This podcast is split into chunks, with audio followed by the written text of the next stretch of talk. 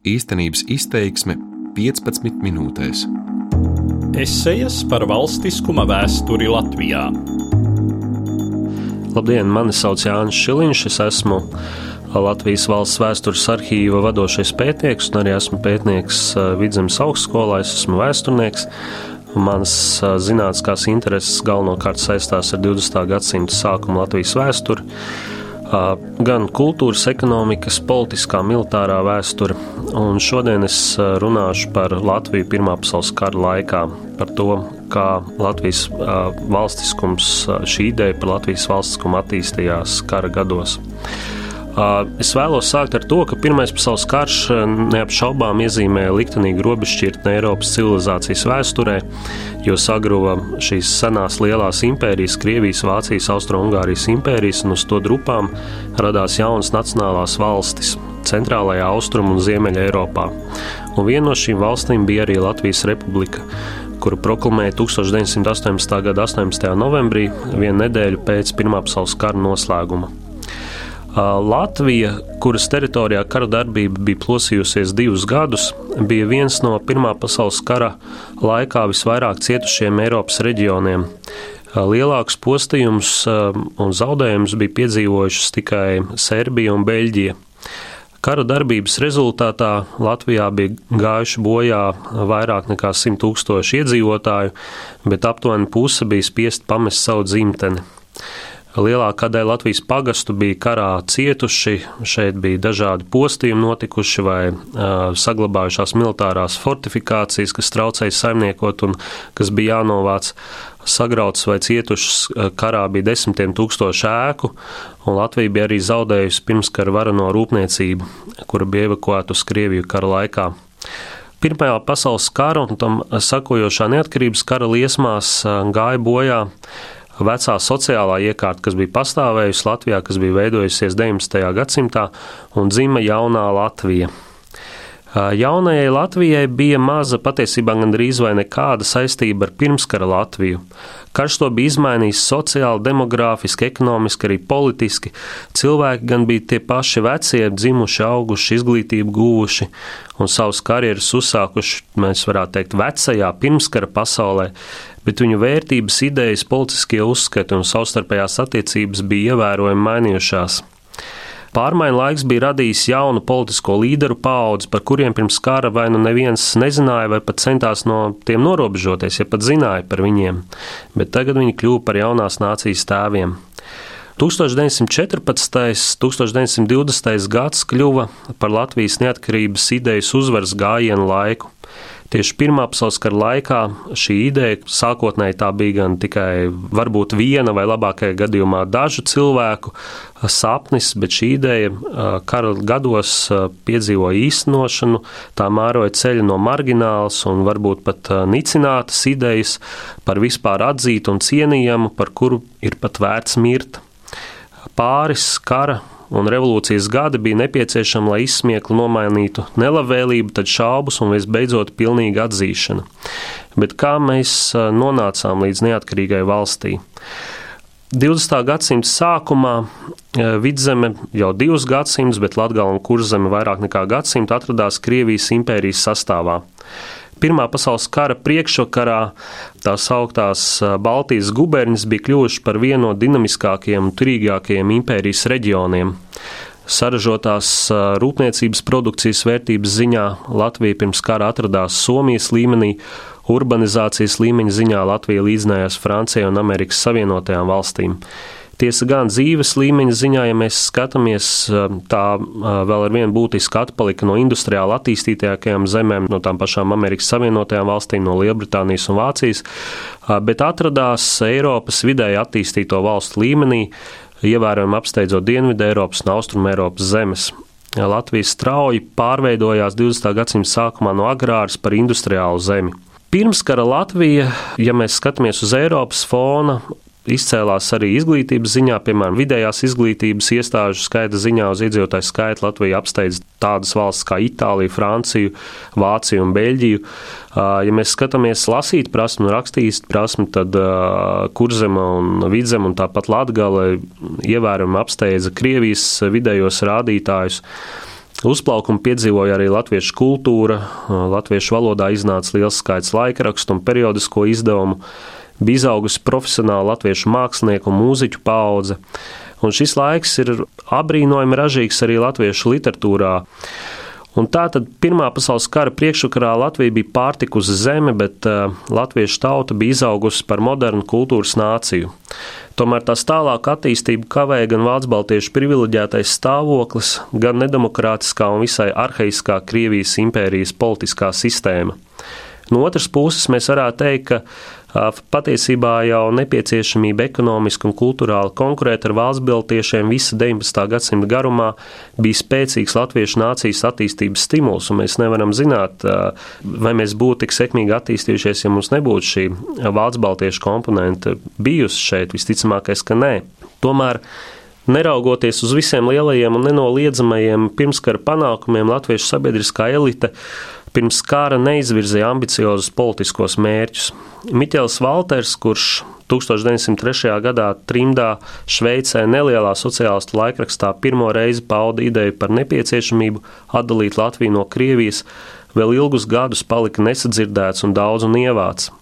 Atšķirībā no ekonomiskās un sociālās attīstības, politisko uzskatu evolūcija bija lēna, un arī 1905. gada revolūcijas sakāve neveicināja jaunu, radikālu ideju izvirzīšanu. Krievijas tipa pašvaldība, jeb zemestas ieviešana, administratīvā reforma, apvienojot visas latviešu apdzīvotās teritorijas, vācu baltiešu privilēģiju ierobežošana, kā arī latviešu valodas status paaugstināšana, visas šīs prasības, ar kurām latviešu sabiedrība sagaidīja Pirmo pasaules karu, bija jau senas, sen labi zināmas eh, idejas, eh, kuras bija sākuši attīstīt jau jaunatvieši. Radikālākas prasības tolaik liedz izvirzīt gan ciešās ekonomiskās saites ar Krieviju, gan sarežģītās etniski politiskās attiecības Latvijā starp latviešiem, vācu-baltiešiem, krieviem un cara administrāciju. Es šo situāciju dažkārt mēdzu apzīmēt arī kā uh, naida un mīlas trīsstūri, kur visi šie spēki savā starpā ik pa laikam gan centās sadarboties, gan cīnīties, apkarot uh, vienam otru. Un uh, šādas dinamiskas attiecības raksturoja visu 19. gadsimtu un lielā mērā arī noteica to, kā latviešu sabiedrība uztvēra Pirmā pasaules kara sākumu. Un Pirmā pasaules kara sākums bija raksturīgs ar milzīgu, grūti pat aptveramu no šodienas skatu punkta patriotisma vilni, kas skāra ne tikai lielās Eiropas galvaspilsētas, kur jūs skatītos fotografijas, jūs redzētu šīs milzīgās sajūsmināto cilvēku masas, kuras ir priecīgas par to, ka beidzot ir radusies iespēja pierādīt savu patriotismu un savu nacionālo stāju, bet šis patriotisma vilnis skāra arī Latviju. Latviešu politiķi un sabiedriskie darbinieki šo pacēlumu, kuram patiesībā bija izteikti nacionāls raksturs, centās pasniegt augstākām varas iestādēm kā lojalitātes izpausmes caram un Krievijas impērijai. Pilsonisko politiķu mērķis šajā situācijā bija izmantot karu, lai nostātos Vācu baltiešu vietā, kļūstot par cara režīma galveno sabiedroto Baltijā, cerot uz priekšrocībām un reformām pēc kara noslēguma. Šī situācija bija pilnīgi mainījusies pēc piektā gada revolūcijas, kad uh, latvieši uh, gan vācu baltiešu acīs, gan cara administrācijas acīs bija kļuvuši par dumpiniekiem, nelojāliem pilsoņiem un visai aizdomīgu sociālu grupu. Tagad latviešiem bija iespēja mainīt uh, šo kārtību un nostāties vācu baltiešu vietā, un bija cerības, ka lojāli izturoties pret pastāvošo režīmu, latvieši iegūs liels priekšrocības pēc kara noslēguma. Tādēļ latviešu prese un tā laika viedokļu līderi sākotnēji atbalstīja gan postošo bēgļu kustību, kas aizsauca svešumā simtiem tūkstošu cilvēku, gan milzīgās rūpniecības evakuācijas, kas notika Latvijā 15. gada vasarā un kas pilnībā izpostīja Latvijas saimniecību un gal galā arī Latviešu strelnieku bataljonu formēšanu.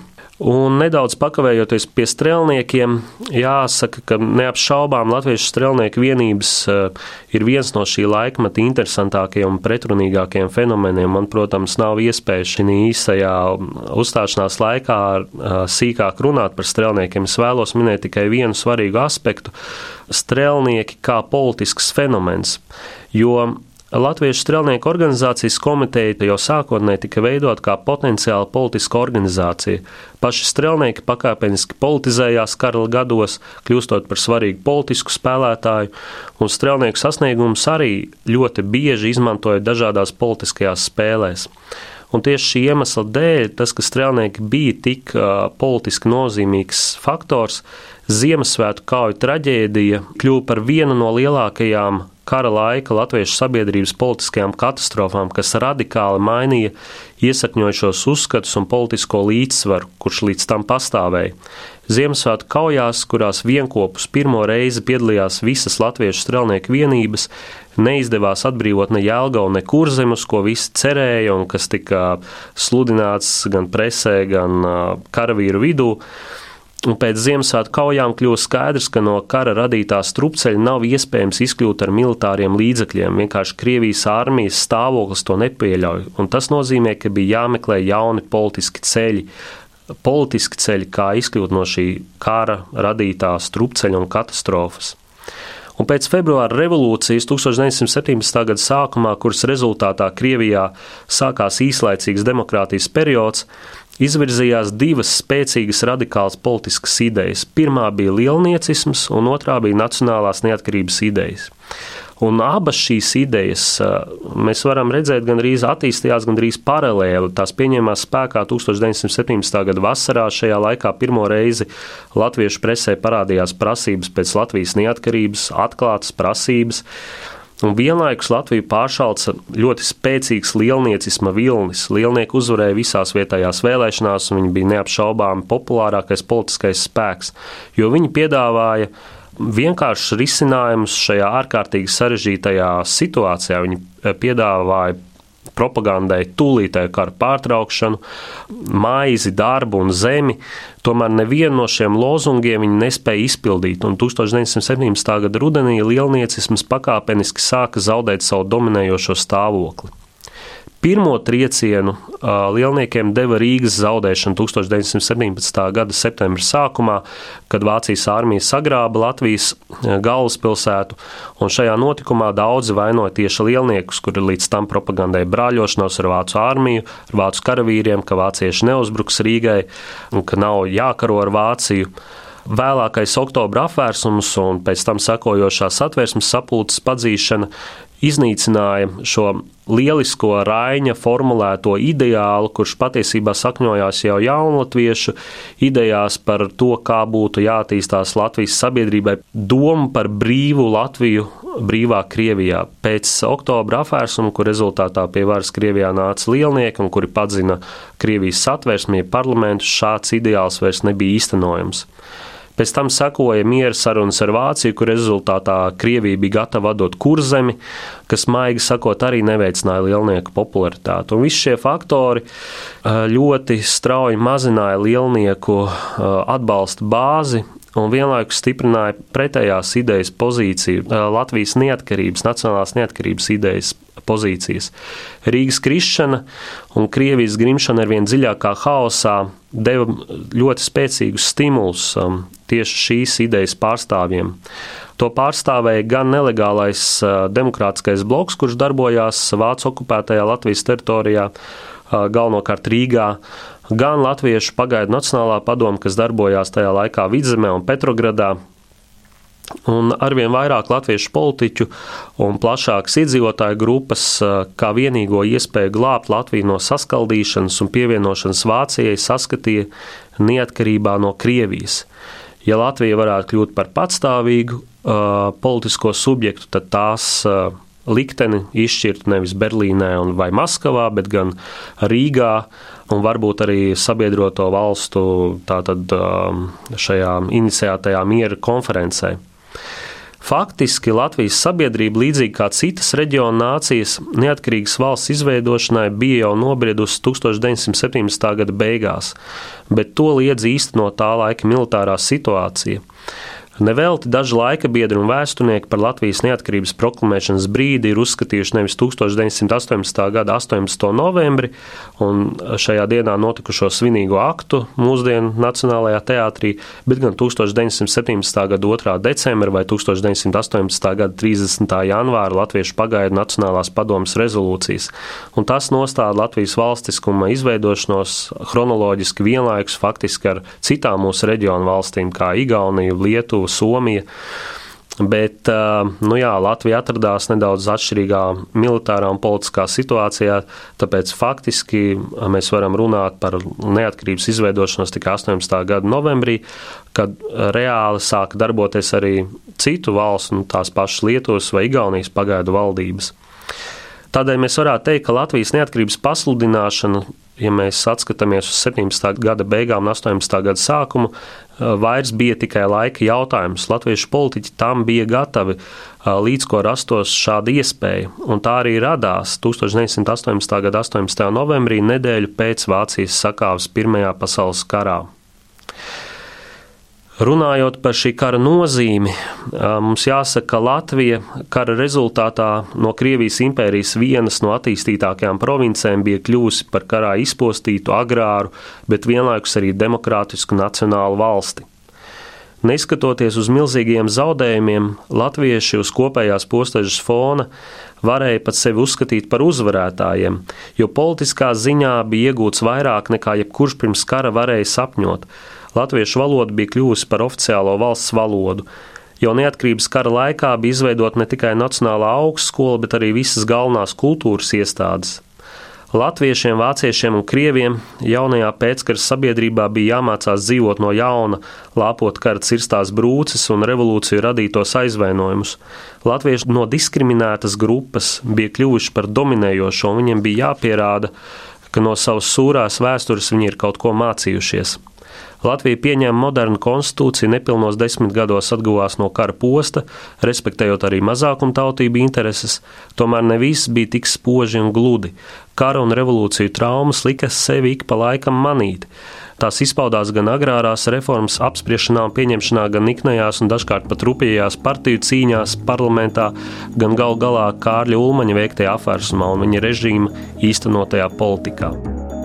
Savās pārdomās par Pirmā pasaules kara lomu Latvijas valstiskumā attīstībā dalījos es, vēsturnieks Jānis Šiliņš.